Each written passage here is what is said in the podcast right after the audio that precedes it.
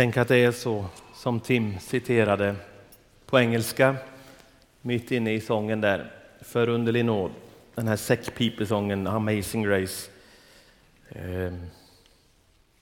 Jag var förlorad men jag blev funnen. Det är liksom, egentligen borde man få säga det för att dörrarna ska öppnas här. Eh, eller i alla fall när man går ut härifrån. Jag var förlorad men jag blev funnen. För det gäller alla på jorden, det gäller de i Bangladesh som inte vet någonting, det gäller till och med de som bor i Ekängen. Jag var förlorad, men jag blev funnen. Han gjorde det för länge sedan på Golgata. Han fann oss allihop. Därför han sa, jag vann, det är fullbordat. Jesus fann världen genom att ge sitt liv för den. Nu behöver vi bara få veta det, förstå det och leva i det. Jag nämnde Ekängen, det är nog orsaken att jag har fått jobba nästan tre år i Linköping och rest hit en gång i veckan i ur och skur och ibland skiner ju solen. Och jag reste på eh, Nehemja bok. Det här med att se hur det står till med Jerusalems förfallna murar. Jag var på läger i Linköping på 80-talet, stort nyårsläger, där nästan tusen människor gick fackeltåg genom hela centrum. Det var de som trodde på Jesus i Linköping. Och jag tänkte, wow, det här är världens mest kristna plats. De kan aldrig ta oss, vi är flest. Jag var helt salig att se så många kristna. Sen har jag bott i Norge och förskonats från sekulariseringen, för det är väldigt annorlunda, en hel del annorlunda i alla fall i södra Norge än vad det är i Sverige idag. Och kommer tillbaka och blir chockad när jag märkte att kyrkorna var ju inte 2000 nu.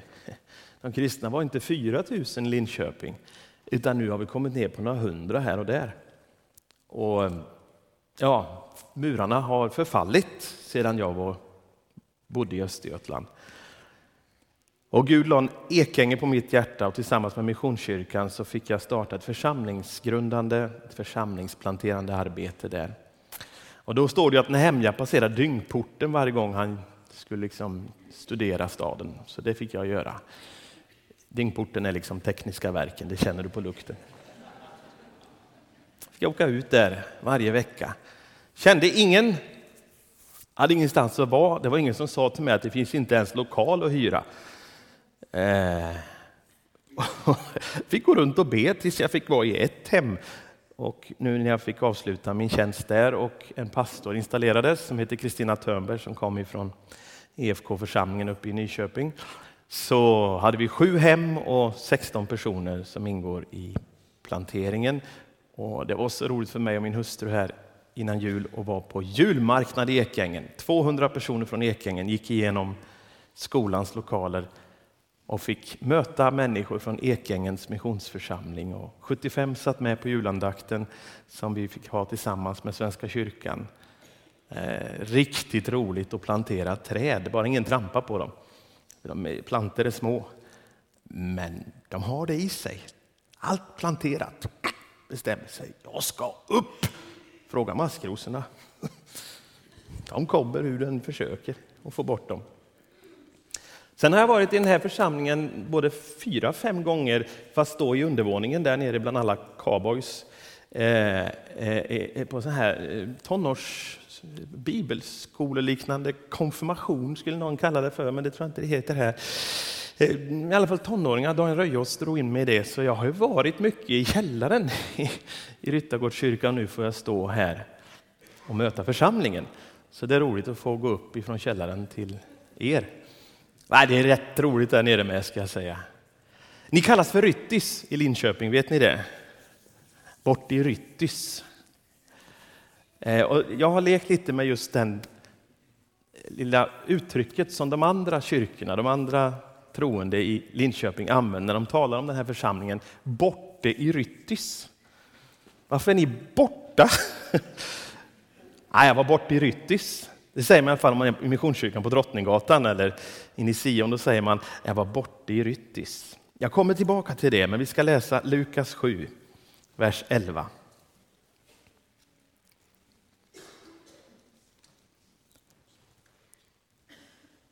i Jesu namn. Därefter begav sig Jesus till en stad som heter Nain och hans lärjungar och mycket folk följde med honom. Just som han närmade sig stadsporten, se, då bar man ut en död. Han var sin mors enda son och hon var änka. Mycket folk från staden gick med henne. När Herren fick se henne förbarmade han sig över henne och han sa till henne, gråt inte. Sedan gick han fram och rörde vid båren. Bärarna stannade och han sa, unge man, jag säger dig, stå upp. Då satte sig den döde upp och började tala och Jesus gav honom åt hans mor. De greps alla av fruktan och prisade Gud och sa, en stor profet har trätt fram ibland oss och Gud har besökt sitt folk. Det börjar med att Jesus begav sig till Nain, en stad. Jesus beger sig hela tiden till något eller någon. Det ser vi i evangelierna. Det har vi fått erfara själva. Ibland har han haft full kurs mot oss. Ibland får vi följa med honom när han har kurs till andra som vi inte ens känner kanske. Jesus är alltid i rörelse, därför blir jag tokig när vi står och ber Herre gör någonting. Herre börja röra dig. Rör vid människor. Gör, alltså han, det är ju inte han som är inaktiv. Det är någon annan. Typ den som står och ber den bönen, inklusive mig själv. Han är i rörelse, den heliga ande är expert på att röra sig, för han är som en vind. Har du mött en vind som inte rör sig? Det har inte jag. Det vore ju för kul om hon, den där halvnorskan, eller helnorskan som har blivit halvsvensk menar jag, skulle stå där framför väderrapporten och säga här är det en vind som icke rör på sig. Men den kommer starkt in över Linköping. Det går ju inte. Då är det ingen vind. Så är det med anden, det är som en vind, sa Jesus. Han är i rörelse hela tiden. Är det någon som bryr sig om Linköping och gör något åt saken så är det Jesus. Han är i full aktivitet. Varför händer det inte något? Nej, för att du händer inte och jag händer inte och vi händer inte. Och han har tänkt att göra det genom oss. Men om han är i rörelse, oh yes! Han är bra på det. Han gjorde redan världens grund blev lagd och rörde han sig över vattnet, står det. Jag menar, om han rörde sig då, då är det klart han börjar röra sig när det finns människor också på jorden senare. Sådana som han bryr sig om, sådana som han har betalat med sitt eget blod för att de ska bli räddade. Det är klart Jesus är i rörelse. Och hela tiden i Bibeln är han på väg någonstans. Det är därför vi ska åka till Bangladesh, hörni, till Kulna, för Jesus beger sig dit. Jag passerade Kulna i 2002 och då sa jag till Albert, här borde vi ha kampanj. Nej, oh, det går aldrig, sa han. Och nu ska vi få ha det.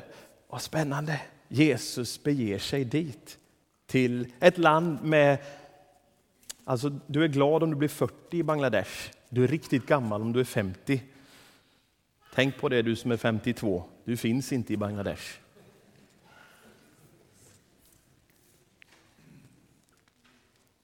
Jesus beger sig till dig och mig. Han beger sig till dina arbetskamrater, din granne. Jesus beger sig till din släkt. Jesus beger sig till dina barn, till din make, till din maka. Han är alltid upptagen av att få hitta människan. Människosonen har kommit för att söka och för att finna det som är förlorat. Han beger sig till Nain. Och man kan ju tänka att ja, han ville ha succé i stan. Det står inte ens att han kom in i stan. Men utanför stan så finns det en änka som Gud har sett och som Gud bryr sig om.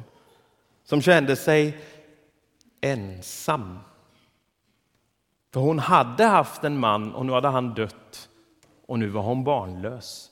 För hennes enda son hade också dött. Det är sånt man gör film om. Fruktansvärt tragiskt.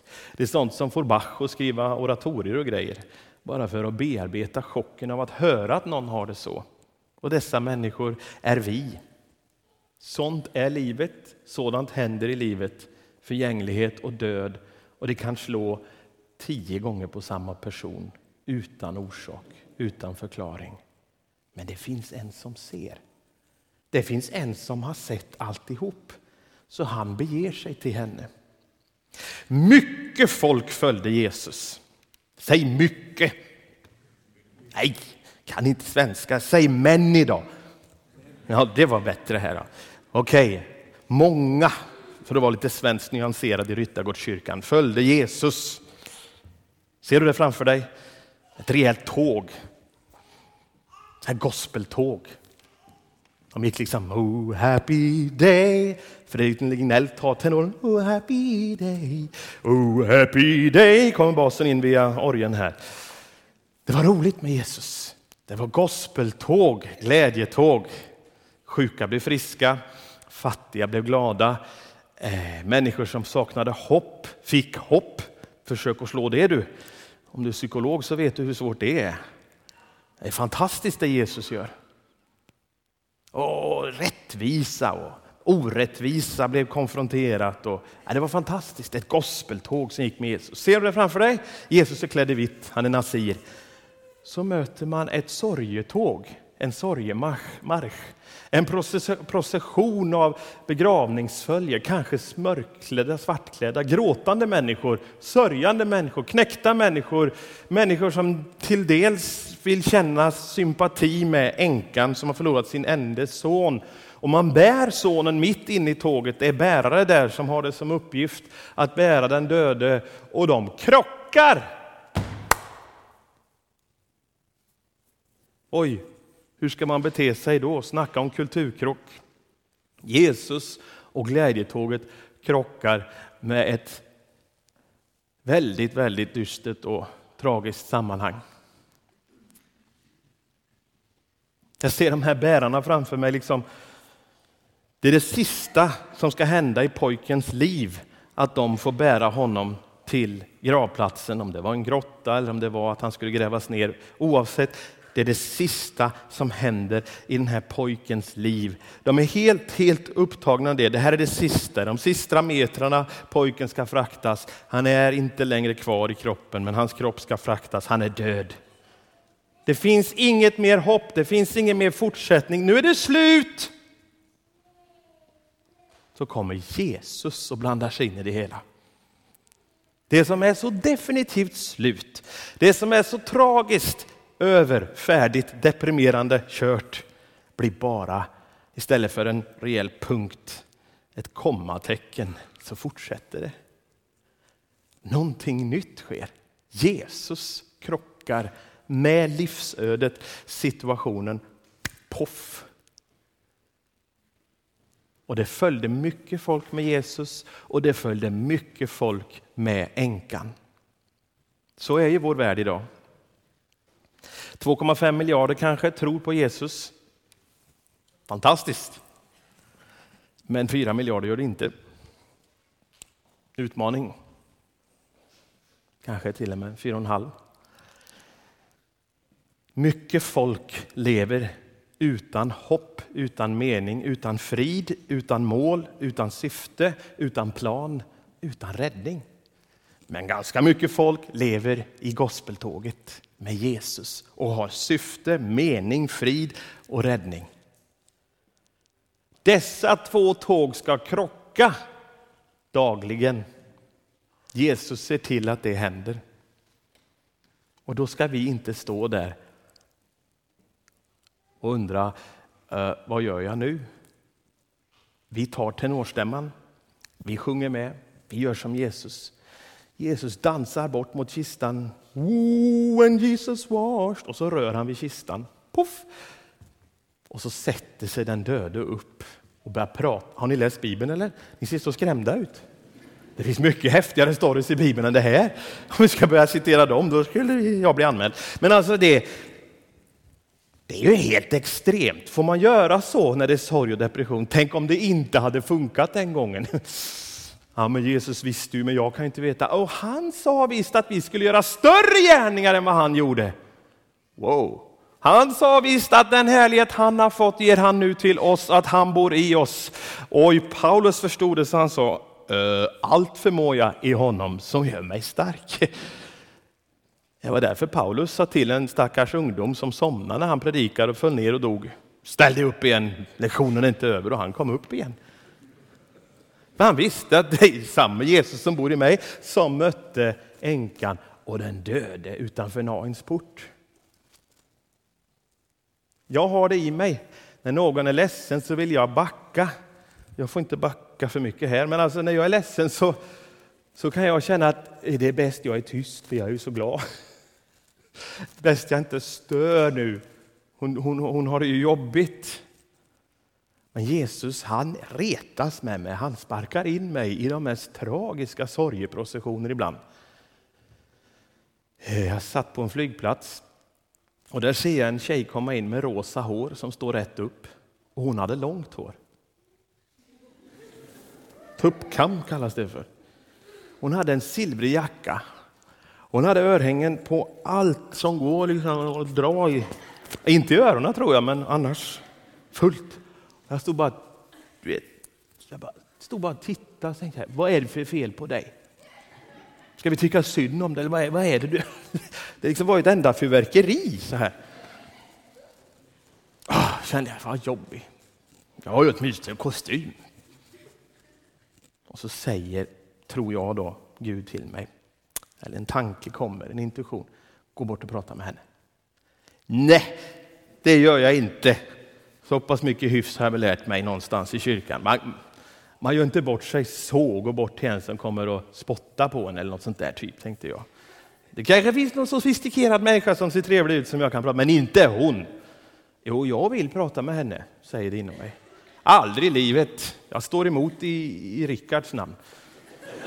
Och det fortsätter liksom. Du vet hur man gör i alla fall. Du har hållit på med det här ganska många år. Nej, det, det gör jag inte. Så jag satte mig på mitt flyg. Det var i Norge. Jag skulle över till Arlanda i Stockholm och sen vidare till Helsinki, Helsingfors. Och eh, när vi väl flyget går igång så kommer det några, eh, jag vet inte vad det var för fåglar, men måsar eller svanar eller någonting åker in i motorerna. Allting stannar upp. Och vi satt där en halvtimme och sen fick vi bära in alla väskorna in till flygplatsen igen och jag ser henne igen. Oh, det börjar bli riktigt jobbigt. Nej, jag tänker inte göra bort mig så. Du kan inte dra mig i gruset, Herre. Så där höll jag på och diskuterade. Så fick jag ett nytt flyg och när jag har satt mig på mitt säte så kommer hon in. Då har hon typ fem säten framför sin plats. Och jag börjar känna, oh, jag kommer inte undan. Okej Herre, när vi har landat så ska jag gå lite snabbt fram och så säger jag Gud välsigne dig och så springer jag. Du måste vara nöjd med det för sen, arbetet är ditt, du står för växten, jag kan bibelorden. Kommer billigt undan här nu. Och, ja, jag ska springa sen alltså, springa, jag orkar inte höra ett ord från henne. Men innan vi ska flyga så ställer sig kvinnan upp jämte henne och kommer bak och säger, jag och min man checkade in på olika tider. Kan jag få sitta på din plats så får du sitta på min. Ja, visst. Sätter mig där.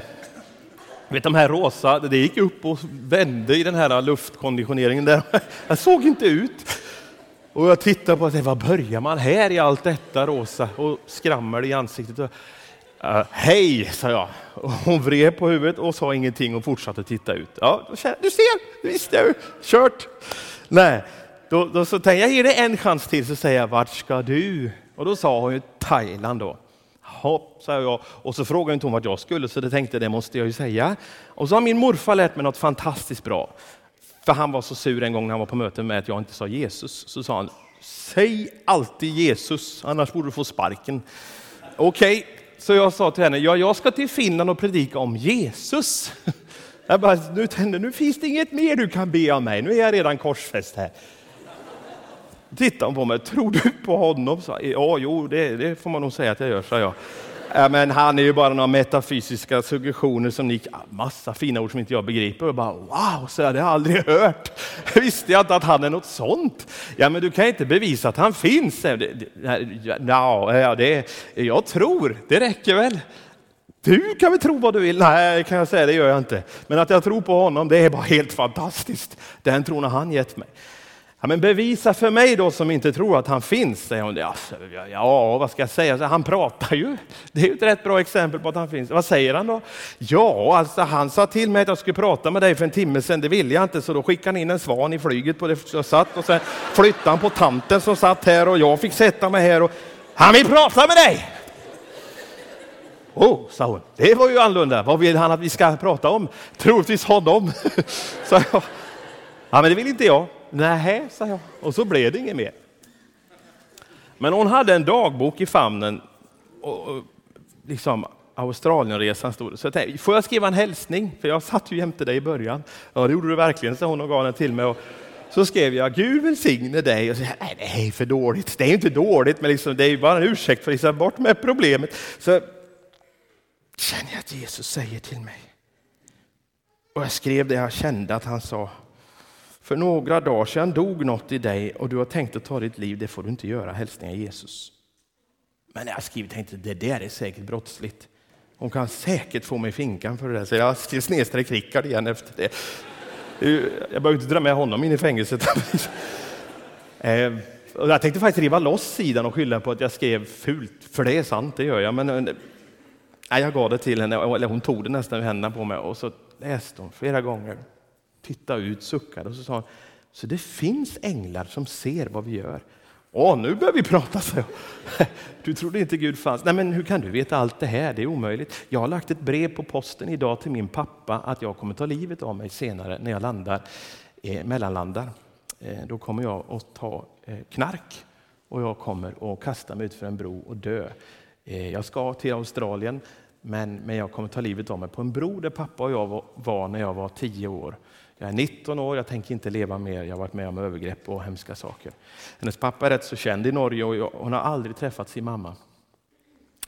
Och jag satt där och kände, hur hjälper jag henne nu? Jag försökte rådgöra med henne, du behöver träffa en pastor, du behöver träffa en själavårdare, du behöver träffa någon som kan hjälpa dig ur den här fruktansvärda beslutet som du har tagit. Och när vi landar i Stockholm sa men nu går vi till någon form av personal här som kan bry sig, som du får prata med. För jag själv tar gärna all tid med dig, men, men, men du behöver verkligen hjälp. Och det kvittar vad jag sa. Till slut sa hon, om du fortsätter prata med mig så kallar jag på polis. Nu, nu, nu får du gå. Okej, okay, förlåt, så jag. jag var helt knäckt. Jag kände, man kan inte lämna en människa som har bestämt sig. Och, vad ska jag göra? Jag var helt rådvill. Jag visste inte hur jag skulle hantera detta. Jag var verkligen bestämd mot henne. Du behöver hjälp. Det hjälpte inte. Hon bara, nu försvinner du. Och jag kommer aldrig glömma när jag satte mig på gate 72 på Arlanda. Jag, det är en helig gate för mig. Sitter där och jag ber högt så som jag inte brukar. Jag tror många hörde mig. Jag ropar till Gud, jag binder Satan, jag ber om Jesu frälsning för honom. Jag är helt förtvivlad. Och helt plötsligt tar någon på min axel och jag tänker, ja nu får jag väl, nu har jag väsnat nog. Och då är det hon som står där. Hon hade gate 73 på andra sidan korridoren. Du, jag bara tänkte på det, du pratar ju väldigt mycket med honom nu. Ja, så Kan han prata med mig så som han pratade med dig? Ja, det kan han. Ja, men det skulle jag behöva. Ja, det, det är det du behöver, sa jag. Hur går det till då, sa hon. Ja, eh, om du med din mun bekänner att Jesus är Herre. Jag bekänner, säger hon då innan jag hinner citera färdigt. Jag bekänner, liksom, guilty. Eh, ja, alltså att Gud har uppväckt honom från de döda och att han lever och han är till och han är Herre. Ja, men det måste han ju vara. Han måste ju vara till. Han måste ju vara levande eftersom han har pratat med dig och mig. Ja, då är du frälst. Är jag? Det är du. Är det säkert? Det är säkert. Och när hon har tänkt en stund så ser jag Guds frid börja lägga sig över henne. Det är ju, det är ju, det är ju, det är ju skönt. Ja, det är jätteskönt att vara frälst. typ död till liv. Mörker blir ljus. Det är fantastiskt. Och det här var några år sedan. Det går bra med henne. Hon har varit ungdomsledare och idag är hon med i en norsk församling med sin familj. Helt happy clappy ending. Jag är ganska övertygad att hon hade varit död om inte jag blev sänd som missionär till henne. Men vilken sändning det var! Jag gjorde ju det minsta. Jag sprang ju så långt bort ifrån när jag kunde hela tiden. Jag har aldrig varit på toa så mycket som jag var den gången nere på flygplatsen. Och Gud var tvungen att flytta på folk. Och det var det lilla jag gjorde. Och Jag skulle kunna berätta sådana berättelser till Simon Bitti för er. Det lilla, när jag inte ville. Men okej okay då, jag säger hans namn. Det räcker att säga hans namn för att Linköping ska bli frälst. För att din granne ska bli förvandlad. För att någon i din omgivning ska få ta emot detta fantastiska som gör att du hamnar på den här bänken den här morgonen. Guds frid. Det är missionsmöte idag. Och man skulle kunna fokusera på vår resa till Bangladesh, men jag vill fokusera på din resa som börjar speciellt imorgon bitti. Vilken buss tar du? Eh, vilken Toyota tar du? Vilken cykel vågar du dig ut på, på de här vägarna? Vart sänds du imorgon bitti? För då är det mission så det bara susar om det. Det sitter en far i himlen helt taggad för han vet imorgon är det måndag morgon i Linköping. Nu äntligen får jag chansen att bege mig till människor genom den heliga Ande. Du har ju liksom inte bestämt dig för att leva i en liten avkrok i Gammelkil. Och leva, jo, kanske någon är från Gammelkil, inget ont med det, det är mycket vackrare än stan. Men alltså, du lever ju inte för dig själv och har tänkt att du ska vara eremit på något vis. Du rör dig med 30-40 människor imorgon, minst. Vilken utsändning, vilken mission, vilket missionsmöte vi är på. Jesus beger sig till Linköping. Det är därför ni är borta i Ryttis, för att sen komma. Mycket folk följde honom in i stan, in i bostadsområdena, in i centrum, in i universitetet, in i sjukhuset. Mycket folk var med i gospeltåget när Jesus mötte änkan, den barnlöse. Mycket folk. Det är du. Det får vara jag till och med. Det är vi. Vi är de där mycket folk. Och trots att människor kan vara i en sån eländig författning, jag tänker mest på hennes beslut alltså att ta sitt liv, det är det jag tänker på. Att människor är i sorg, att människor verkar ointresserade, så viker vi inte undan. Vi kommer helt nära. Och vad är det Jesus säger till kvinnan innan han rör vid kistan?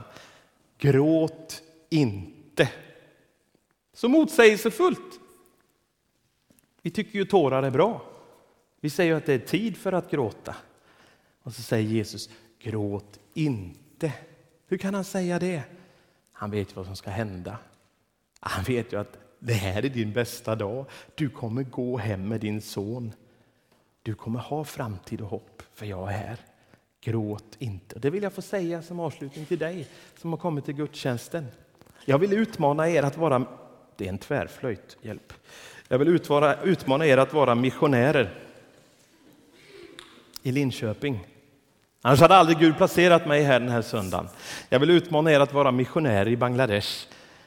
Men jag vill också få sända du som känner dig på något vis i änkans situation, även om ingen nära har dött, men ändå ensam, övergiven.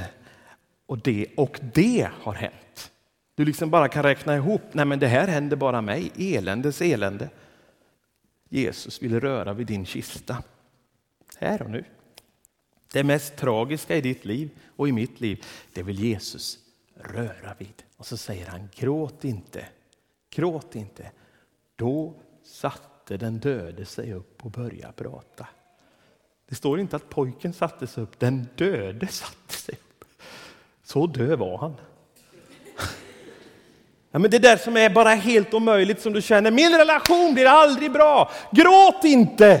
Jesus vill röra vid din relation. Ja, men min sjukdom är kronisk och läkaren har sagt jag har ett år kvar. Gråt inte! Jesus vill röra vid din kista. Ja, men mina barn, de har ingen relation ens till Gud eller till mig. Gråt inte! Jesus vill röra vid dina barn, vid dig och er relation. Det är det enda han pysslar med. Det är sånt han kan. Han är inte bra på bostadsförmedling och andra saker. Han är bra på att förvandla människor och livssituationer. Det är det som står på hans visitkort. Mirakel. Det är mirakler han gör. Det är det enda han kan. Låt de två processionerna få krocka i nästa vecka i Linköping. Vi är borta i Ryttis för att gå in i stan. Är du med mig nu? Varje dag inträffar gudomliga ögonblick, sådana som jag försökte beskriva från den där flygplatsen. Varje dag vill Gud möta människor genom Jesus som bor i oss. De här bärarna trodde att de bar på slutet, men de bar på ett kommatecken som blev ett mirakel. En fantastisk fortsättning när Jesus gör din punkt till ett kommatecken. Tänk, din punkt, ditt slut, du känner nu är det kört. Det blir bara ett kommatecken och så fortsätter det. Jesus förbarmar sig. Men han befaller också den döde, stå upp! Och då är han generalen som härskar över liv och över död. Då är han Herren som ger befallning. Han förbarmar sig, men han befaller också. Amen.